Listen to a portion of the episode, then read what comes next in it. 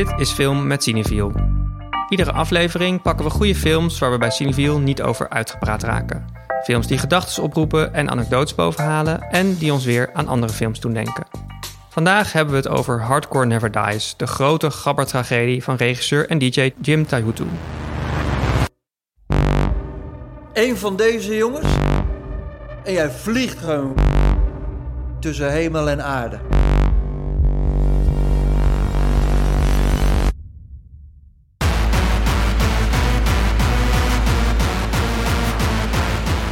In Hardcore Never Dies neemt Tahutu ons mee terug naar de jaren 90. Naar de tijd van kaalgeschoren koppies, aussies en de maandelijkse hardcorefeesten in de Energiehal in Rotterdam. We maken kennis met feestbeest Danny, wiens leven in het teken staat van leven. Hard moet het gaan, gevaarlijk moet het zijn en het liefst tot diep in de nacht. Met zijn drugshandeltje wil het alleen nog niet zo vlotten. Dennis' broer Michael speelt ondertussen braaf Beethoven op de piano. Maar het is te braaf, krijgt hij te horen. Wordt het niet eens tijd dat hij een beetje gaat leven? Heel slecht gevoel over. Maar dan mag geen keus meer.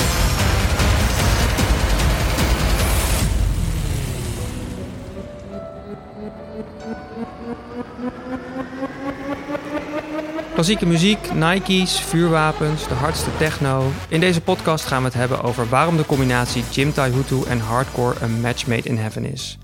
Ik ben Jesse Heines en ik ben redacteur bij Cineviel. En naast mij aan tafel zitten Jente Buskus en Emin Kalkan. Hallo. Hallo. Hoi. Ja, Hardcore Never Dies, het kaartfeesten, daar gaan we het over hebben. Dus ik was eigenlijk wel benieuwd, wat is jullie favoriete feestje ooit? Emin. Oh, ik hè? Ja, ja, mag beginnen. ik heb er eentje die, eh, waar ik gelijk aan moest denken. Ik eh, ben een keer met een vriendin naar Berlijn geweest. Toen hadden we een ehm dubbel date georganiseerd. En toen zeiden we dus, ehm, hebben we tegen hun gezegd van... oh ja, we gaan ehm, naar Sisyphus, dat is een technoclub. En dan gaan we daar gewoon de hele avond staan dansen. Toen, eh, een paar uur voordat we met elkaar zouden afspreken... had mijn date dus bericht gestuurd van... oh ja, vind je trouwens niet erg dat ik doof ben? En ik ehm, was zo van, oh nee joh, geen probleem. Dat eh, mijn broertje zelf ook slechthorend is. Dus ik wist al een beetje van, oké, hoe moet ik ermee omgaan? Ehm, en toen kwam die dus. En toen hebben we dus de hele avond helemaal vooraan... met onze handen op de boxjes... zodat hij dan alles kon voelen... hebben we gewoon de hele avond tot echt in de ochtend gestaan. En Wow. eh, ja, dat vind ik wel een van de mooiste feestjes. Ja, Oh, en vet. eh, ben jij niet daarna ook doof geworden? Of wat viel het zo mee? Ja, halve ja, een beetje. ja. En wat, eh, wat voel je dan? Ja, hij voelt gewoon echt zo die, vi- die vibraties. Dat zei hij in ieder geval, tenminste zei hij. Mhm. Ehm, we deden alleen maar een soort van communiceren via notes. Oh, ja. Eh, ja, omdat hij dan Franse gebarentaal kende en ik ja, ken echt heel weinig. Oké. Ehm, maar hij voelde dat gewoon helemaal. En op zich, als je daar inderdaad staat, dan voel je het ook, ook echt... omdat het best wel harde en grimmige techno was... Ja. dan voel je het ook echt een soort van door je lichaam heen gaan. Ah, ja. Of het goed is voor je, dat weet ik ook niet. Maar het was wel echt een hele mooie. Ja. Ja, ja, ja. Cool. Ja. Eh, en jij, Jente? Favoriete feestje? Nou, ik ben helemaal niet zo'n feestbeest eigenlijk. Mhm. Ik ben echt de saaiste persoon om in deze podcast te zitten, denk ik. Vooral bij deze film. Ehm, maar deze film deed me wel heel erg denken aan eh, Carnaval 2023. Ehm, ik ga elk jaar terug naar het dorp waar ik vandaan kom met carnaval. Maar ehm, dit jaar belanden we op een gegeven moment tijdens een kroegentocht in een, ja, een tent die normaal gesproken best wel netjes eetcafé is, waar ze zo steak en zalm en zo hebben. Eh, en dat is dan met carnaval gewoon kroeg. En daar draaiden ze een soort happy hardcore remix van Onderweg van Abel. Oh. Mhm. Die op dat moment, we stonden daar met 15 man of zo daar binnen, echt het allervetste was wat we ooit hadden gehoord. echt alsof, alsof iemand ons een soort revolutionair stukje nieuwe muziek had voorgeschoteld. En we gingen allemaal heel hard erop. En later keek ik die filmpjes terug en klonk het gewoon echt ass. Maar ehm, ja, ik ben daar nog altijd heel erg dankbaar voor dat iemand die remix heeft Is gemaakt. een soort officiële remix die ook op Spotify te vinden Nee, is? ik heb, hem Oh. nog, ik heb hem al heel lang terug proberen te vinden. Maar ik weet niet of het van de DJ die daar toen stond was. Lijkt me sterk. Ja. Maar if anyone knows, Ja. laat het me alsjeblieft weten. Want eh, mocht ik ooit een carrière als DJ beginnen, dan wil ik hem graag gebruiken. Eh, ja, dat was wel een hoogtepuntje. Punt. Ik ben benieuwd naar deze Deze schat die ergens begraven ligt. Ehm, jij? ja, ik ben ook niet zo feestbeest. ehm, maar de leukste feestjes had ik altijd wel met... Of had, heb ik natuurlijk met mijn cineviel collega's. Oh. Ehm, zeker in het begin was het nog een beetje studenticoos eh, bij ons. En dan gingen we, zijn we een keer naar eh, het feest Roomkaas in Alkmaar geweest. Dat werd georganiseerd door een collega die toen ook bij Cineviel werkte. En zijn claim to fame was altijd een beetje dat hij had voor Roomkaas... had hij Yellow Claw, de DJ-groep van Jim Tahutu, kunnen boeken... maar dat heeft hij toen niet gedaan. en dat was dus nog voordat zij heel groot waren, daar zullen we het zo over hebben. Maar ehm, ja, dus dat zal hem altijd blijven achtervolgen... dat hij feesten organiseren en gewoon... Yellow Claw, wat nu echt enorm grote... Ja. Nou, ja, grote- gewoon een grote DJ-naam, internationale DJ... eh, ja, het is een duo inmiddels. Ehm, ja, die was daar toen niet, maar het was wel een totaal uit de hand gelopen feestje met, Oké. eh, in Alkmaar. Ehm, want ja, Jim Tahutu is dus behalve filmmaker, regisseur van Hardcore Never Dies ook DJ. Eh, A.k.a. Jim Aasgier. Jim Aasgier, was dat zijn DJ-naam? Ja, volgens Wikipedia wel, ja. Ehm, en ehm, ja, wat, wat, wat moeten wij nog meer van hem weten, Jent, voordat we naar deze film gaan? Wat is... Nou ja, dat hij dus eh, medeoprichter van Yellowclaw is, is wel denk ik best wel essentieel. Want is denk ik ook de reden dat de, de feestscènes in deze film zo goed werken. Mhm. En eh, de muziek echt omarmd wordt en zo. Dat is wel echt iemand die volgens mij heel veel respect heeft voor de gabbercultuur en voor de muziek die daarbij hoort. Ehm, dat, ja, zij bestaan sinds 2010 volgens mij. En het was eerst een trio met Busy erbij en nu dus een duo. Ehm, en hij zegt zelf ook van ja, eh, ik, hij verwerkt best wel vaak gewoon muziek in zijn sets. Het is natuurlijk niet echt hardcore, maar het schuurt er soms wel tegenaan. Hij heeft ook wel eens, of ja, ze hebben met z'n tweeën wel eens samengewerkt met eh, Rotterdam Terror Corps. Oh Of ja, koor? Is dat dan op zijn, op zijn studentenkoor of Korps. korps? Ja, korps. hè? Korps. Klinkt wel Eh, logisch, ja. denk ik. ja, die hebben wel eens eerder samengewerkt. En eh, die samenwerking is ook weer teruggekomen in de, in de film. Ehm, want ze hebben heel veel eigenlijk eh, advies gegeven over de set design en de costume design en zo. En wat hij, ja, hij, hij, hij zegt eigenlijk van... Het is zo'n grote Nederlandse subcultuur geweest. En echt iets...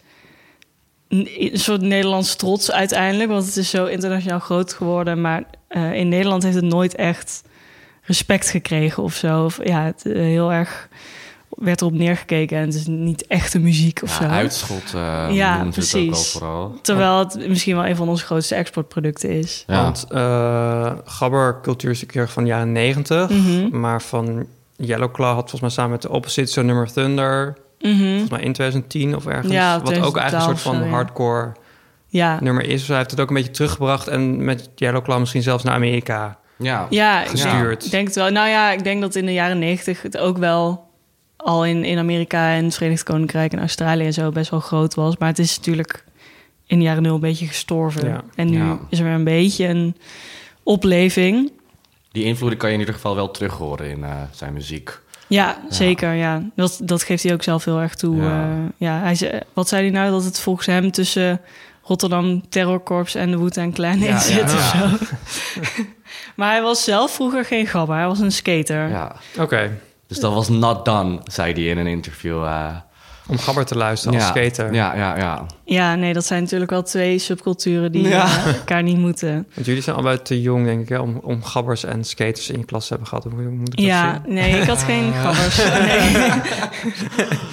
Ja, nee, gabbers sowieso, maar skaters... Skaters wel. Ja, die blijven... Die, Die blijven. ja. Skating never dies. Ja.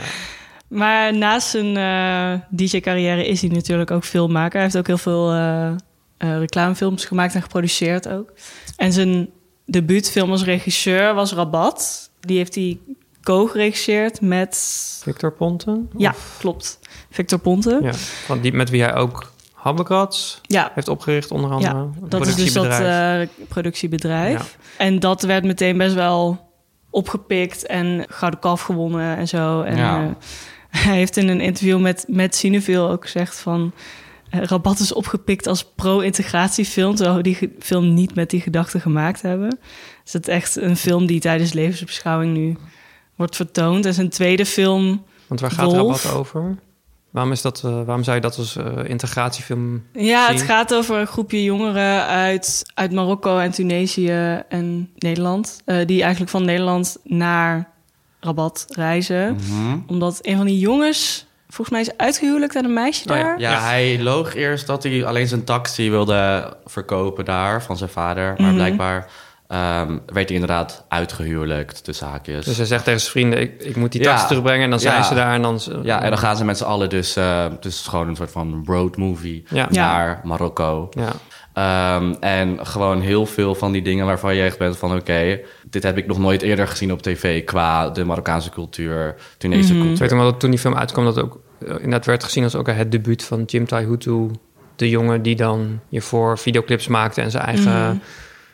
Dat het ook een ding was dat hij, juist hij die film maakte. Ook Ja. met, met, eh, onder andere Marwan Kenzari... die toen ook enorm talent was. Ja. Ja, En, ja, eh Nasser Dinchar en eh, Ahmed Akabi... die ook gewoon nu hele gevestigde namen zijn. Ja, dat was ja, echt veel minder ja. toen zij in... van de Huis Anubis. Oh ja, daar zat hij in, hè? Ja, Ja, en had, had Nasrin niet da- daarvoor een gouden kalf gewonnen? Klopt, dat ja. hij zei, eh, ik ben moslim en ik sta hier met een fucking Ja. gouden kalf in mijn Ja. hand. Ja, dat was ook Ja. een heel ding. Ja. En eh, nou ja, hij heeft... eh Tahutu heeft in een interview met Cinefil ook gezegd... op een gegeven moment gaat dat je tegenstaan of zo... als andere mensen die film zo naar een bepaald beeld toetrekken. Eh, niet dat hij daarmee oneens is, maar gewoon... Een hele morale les is het dan. Ja. of zo. Mhm. En eh, zijn tweede film, Wolf, is daar dan misschien onbewust een reactie op. Want dat gaat dan weer juist over een, eh, een bokser die helemaal in het eh, criminele circuit wordt gezogen en zo. En eh, eh, daarvan heeft hij gezegd van nou, Geert Wilders zou dit misschien wel integraal in zijn verkiezingsprogramma kunnen zetten zonder, eh, zonder te editen. En nu, eh, ja, daarna heeft hij De Oost gemaakt. Wat echt een megaproductie was eh, over de onafhankelijkheidsoorlog in Indonesië. En daarin zat- zaten ook de twee hoofdrolspelers die dan weer in deze film terugkomen, in Hardcore Never Dies. Joes Brouwers en Jim of Jim Dennis. Ik weet nooit hoe je het uit moet spreken, omdat Jim van Idols Jim is. En ik altijd Mm. dacht dat dat Jim was. Ja. En die fout wil ik nu nooit meer maken. Laten we zeggen Jim. Laten we zeggen Jim. Sorry als het Jim is. Mhm. Ehm, ja, Joes Brouwers, die eh, ken je misschien uit Kruimeltje, de musical.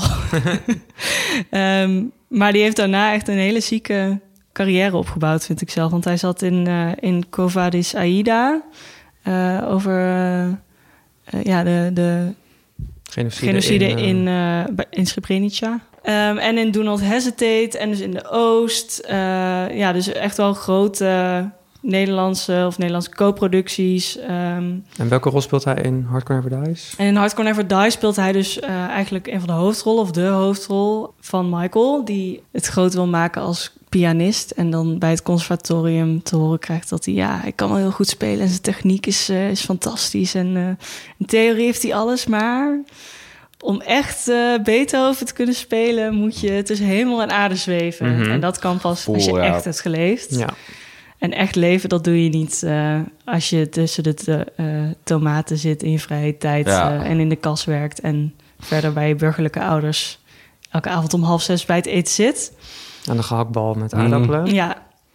Overigens, de setdesign van dat huis is zo Mhm. fantastisch. Ze, ze- heel veel van de recensies en eh, interviews en zo hebben het heel erg over de setdesign en de costume design van de gabbercultuur, die ook echt super goed is. Ze hebben allemaal vintage, Aussie eh, trainingspakken gevonden en eh, vertrapte Nike's uit Ja, de jaren bakken vol ook negentig. echt met van die afgetrapte... Ja, maar ik vond het, eh, het huis waar, waar we eigenlijk weinig tijd in doorbrengen ook zo ultra 90s. Ja. Echt alsof ik door fotoalbums van mijn ouders blader en gewoon, ja, love it. Op de bank voor de vierkante tv. eh, Precies. Ja, ja. ja. dus eh, precies op het moment dat Michael moet leren om tussen hemel en aarde te zweven, klopt zijn broer aan. Ehm, zijn Danny. broer Danny. En die eh, wil hem dat best leren eigenlijk. Maar die heeft ook een heel, eh, een hele achtergrond eigenlijk met zijn ouders weer gehad. Hij is uit huis gezet, eh, zit helemaal in de, in de drugswereld en zo. En ja, komt daar eigenlijk aankloppen met zo het idee van... Kom Michael, we gaan lekker uit samen en dan eh, leer ik je wat echt leven is. Maar eh, ondertussen heeft hij ook gewoon heel erg geld nodig. En Ja. Misschien ook een band met zijn vader. En zo begint het verhaal eigenlijk. En eh, ja, de, de, de waar ze induiken is echt helemaal vanaf de grond af opnieuw opgebouwd voor de film. Eh, ze hebben meer dan 300 figuranten nodig gehad voor die, voor die raves en opgenomen in de, bij de Maastunnel. En een van de grote feesten waar ze komen, dat, eh, dat speelt zich af in de Energiehal. Eh, maar die is in 1999 afgebroken. Dus dat moest allemaal opnieuw eh, gecreëerd worden. En ze hebben een ja, die, die set helemaal opnieuw opgebouwd. in samenwerking met dus Rotterdam Terror Corps. Die destijds ook die raves organiseerde. En ook nog decorstukken hadden liggen en zo die ze konden gebruiken. Ja, want in die energiehal was ongeveer elke maand wel zo'n enorm feest.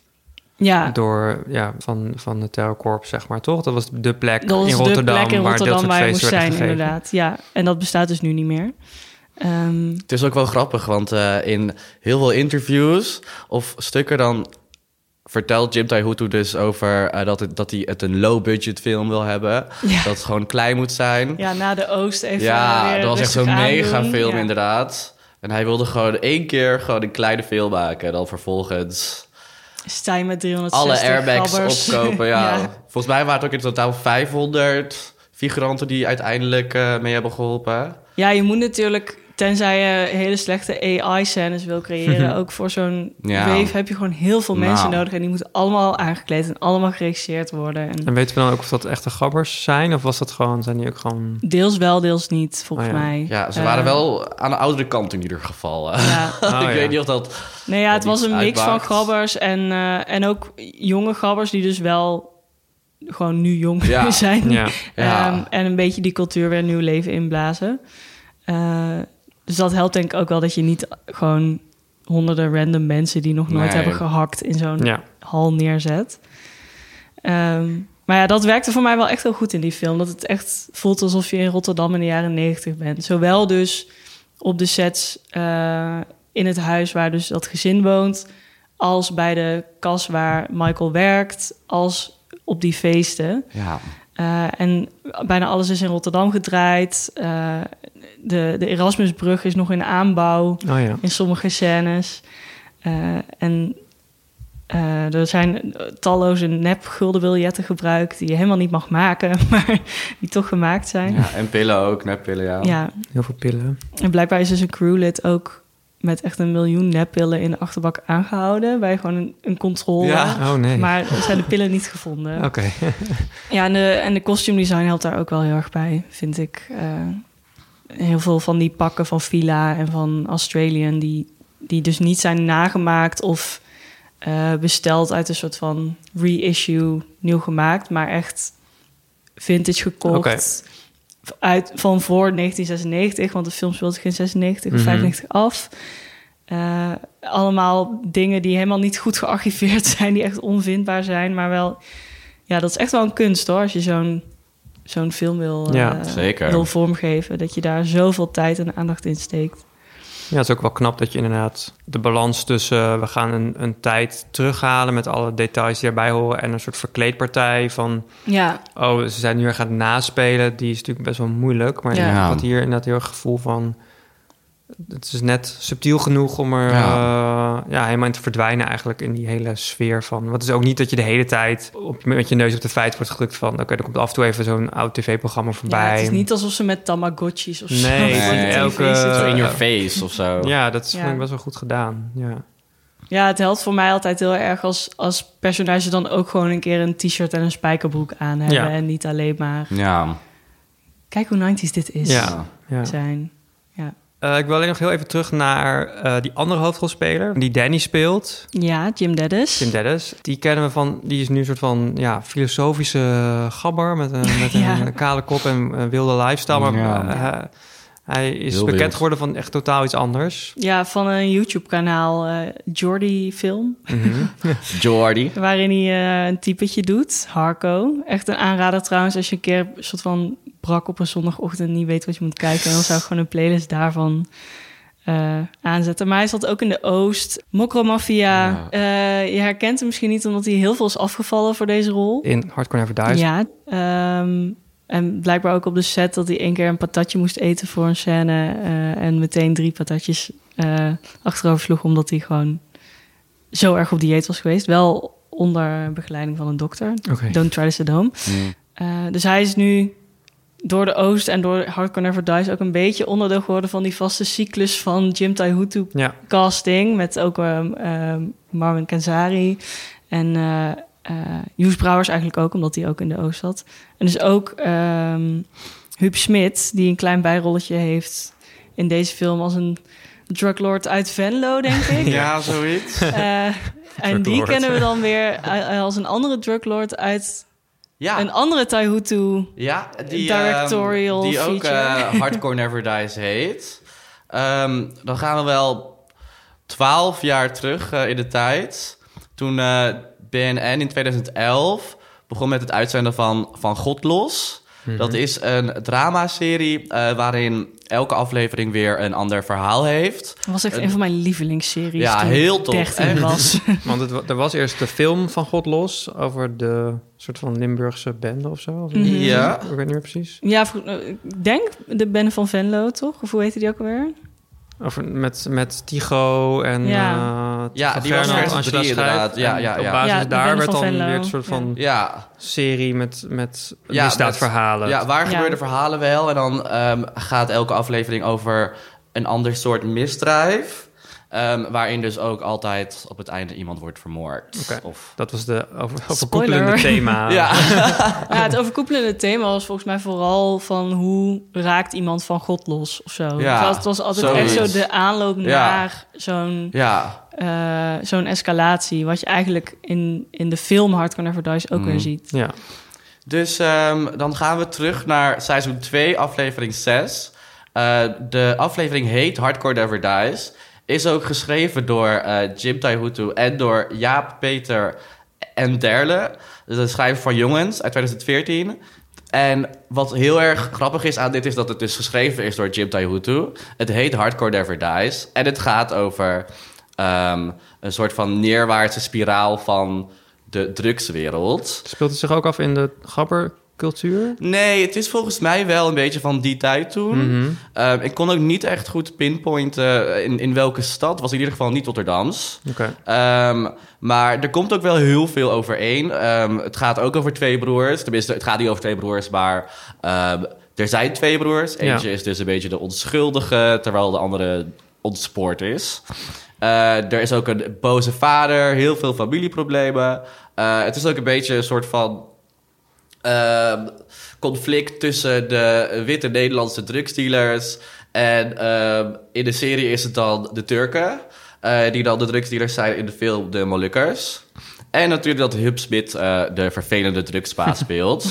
en hij is ook de enige die, die dan eigenlijk terugkomt in de film, wat heel grappig is. Ehm, ik vond de, de, deze aflevering wel heel heftig. En Jim Taihutu zei ook in een interview dat ehm, van God los de producenten het bijna niet durfden uit te zenden, omdat het gewoon misschien te heftig was Oh my ook, God. en te bloederig. Ja. Maar het is wel interessant, want het is eigenlijk gewoon een soort prequel van de film over Danny. Of het personage Ja. van Danny, wat misschien dan anders heet in de serie. Maar ja, dat, dat gevoel kreeg je ook echt bij de film Hardcore Never Dies. Dat je eh, dat Danny zo aanklopt bij Michael. En je het gevoel hebt dat daar nog een heel leven voor Ja. zit. En eh, waarom, waarom praten die ouders niet meer met hem? Ja, Waarom willen ze absoluut niet dat, eh, dat Michael zijn haar afscheert? ja. maar? Je kan het ook wel echt zien als een prequel. Het, het enige is wel dat het gewoon niet in die gabbertijd... Nee, eh, er geen verkeerde feestscènes of nou, zo. dat, dat wel. Het is wel echt hardcore. En, ehm, maar ik zou het ook niet per se als gabber bestempelen... omdat het gewoon heel onduidelijk is Ja, in welk jaartal het allemaal Mm. eh, gebeurt. en het is ook gewoon een goede titel, Hardcore Never Dies. Ja, dat hij, zeker. ik wel dat hij hem twee keer gebruikt. Zeker, ja. Want Heeft hij deze ook geregisseerd, die aflevering? Of heeft hij hem alleen Eh, hij heeft hem geschreven, Oké. ja. Ehm, ja, want een van de... Ja, wat ik... Een van de tofste dingen waar we het ook net al even hebben gehad... van deze film van Hardcore Never Dies... zijn wel die feestscènes, wat mij betreft. Ja, zeker. En in combinatie daarmee misschien ook wel eh, de filosofische insteek van, van Danny, die daar een heel betoog ook ge- over geeft. Over eh, ja, wie zijn nou hier de echte zombies? Zijn wij dat? Die, de mensen die s'nachts Nou. eh ja, zweven, dansen, leven? Of zijn dat de mensen die van 9 tot 5 werken en eh, weer naar bed gaan? Ja, 50 weken werken voor twee weken eten, slapen, neuken aan een Turk strand, zegt hij. Dat is wat Danny Ja. zegt inderdaad. En dat in die zin, los nog van de feestscènes, doet het ook wat erg denken aan Trainspotting, waar dat, waar dat ook een beetje in zit, toch? ja, want dat is ook echt zo'n film die, die heel, voelt, heel erg voelt als een bad trip. In Trainspotting van Danny Boyle. Ja. Het is een film uit 1996. Het jaar waarin deze film zich afspeelt. Ja, Nou, kijk. Eh, gaat het ook gewoon over de Britse subcultuur. Eh, en dan gaat het wel vooral over de, de, de punkheads en dat soort dingen. Ehm, maar ook wel echt over de drugssubcultuur. Het eh, gaat over een groepje vrienden die verslaafd raken aan heroïne. Eh, en dus ook echt constant in een wereld van escalatie terechtkomen. Het eh, stopt maar niet en Mhm. eh, dat soort dingen. En, en ik vind het ook heel erg... Waarom ik dit heel erg vergelijkbaar vind... is omdat de hele film draait over... Het, het draait op drugs. En eh, op een gegeven moment ben je als kijker wel een beetje van... oké, is dit zeg maar een, een, een, eh, een waarschuwing of, of is dit een verheerlijking? En ehm, in een interview uit 1996 ehm, met NRC zei Danny Boyle... eh, als het een propagandafilm voor drugs was, zou niemand erheen willen. En als ik een waarschuwende vinger had opgestoken, ook niet.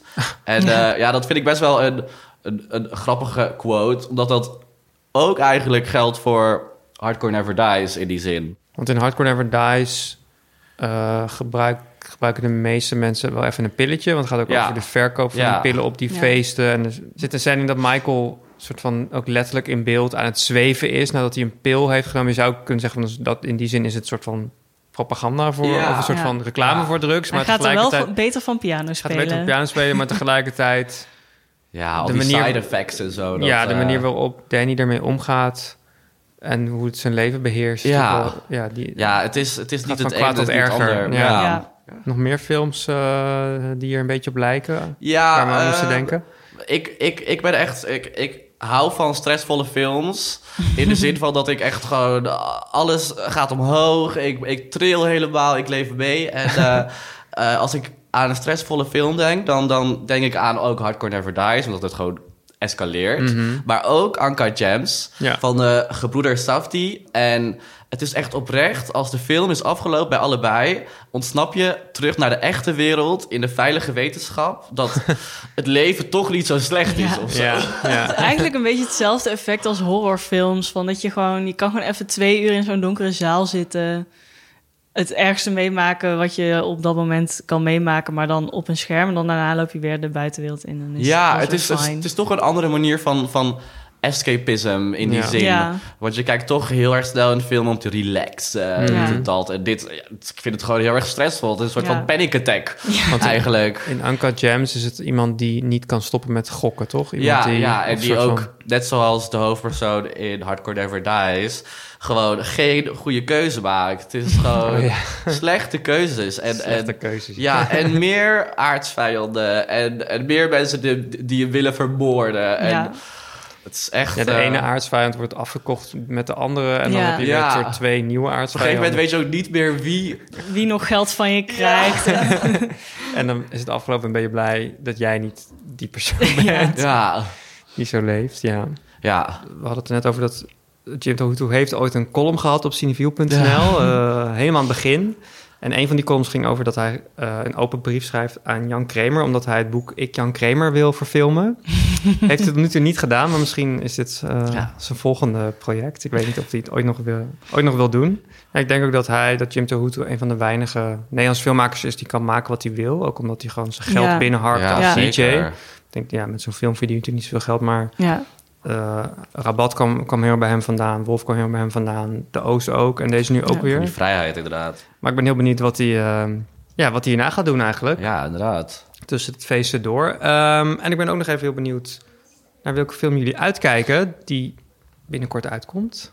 Hebben jullie nog iets op het vizier staan? Iets al gezien wat je de mensen kan aanraden?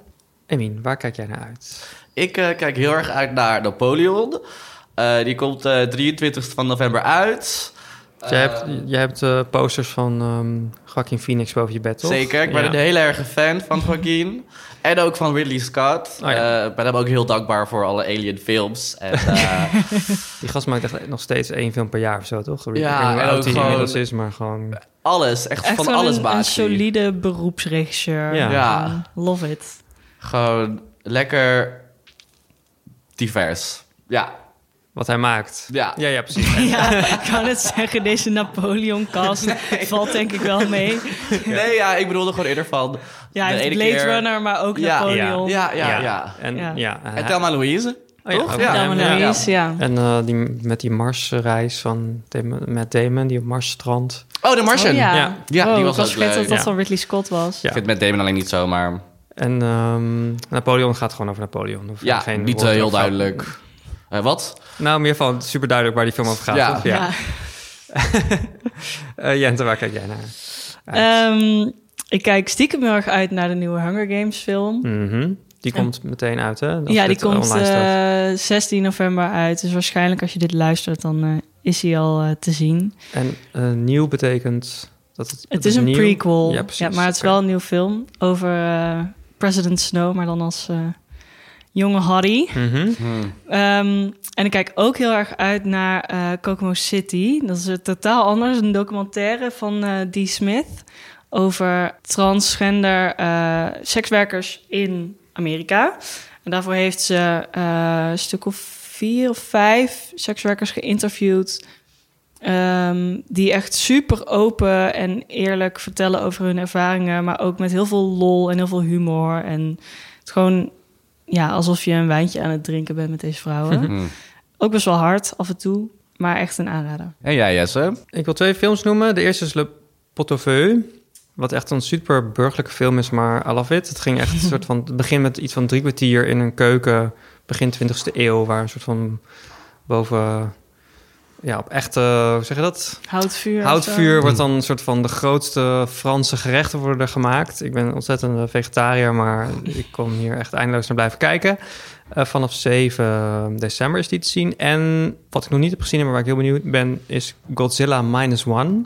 Oh ja. Eh, een nieuwe Godzilla-film uit Japan. En ehm, nou, er worden wel vaker volgens mij Godzilla-films gemaakt in Japan, maar deze komt ook gewoon naar Nederland eh, vanaf 1 december. En het speelt zich af vlak na de Tweede Wereldoorlog. Dus- Oh, de, de synopsis is ook van... Japan eh, heeft het nulpunt bereikt. Het gaat super slecht met het land. En er komt ook nog Godzilla, Ja. minus one. Dus het is een soort van nog... Wordt nog erger dan het al is in Japan. Heel veel zin in. ja, ben benieuwd. Ja, vanaf 1 december. Dit was hem weer. Film met Cineville. Hardcore Never Dies is nu te zien in alle filmtheaters. Eh, wil je weten welke films er nog meer te sprake kwamen? Check dan de show notes op onze website. En wil je op de hoogte blijven van alles wat er speelt? Schrijf je dan in voor onze nieuwsbrief. Eh, heb je vragen of wil je meekletsen? Dan kun je ons mailen op podcast.cineville.nl. Bedankt voor het luisteren. En bedankt Emin en Jente. En tot de volgende keer. Tot de volgende keer. Doei doei. Doei!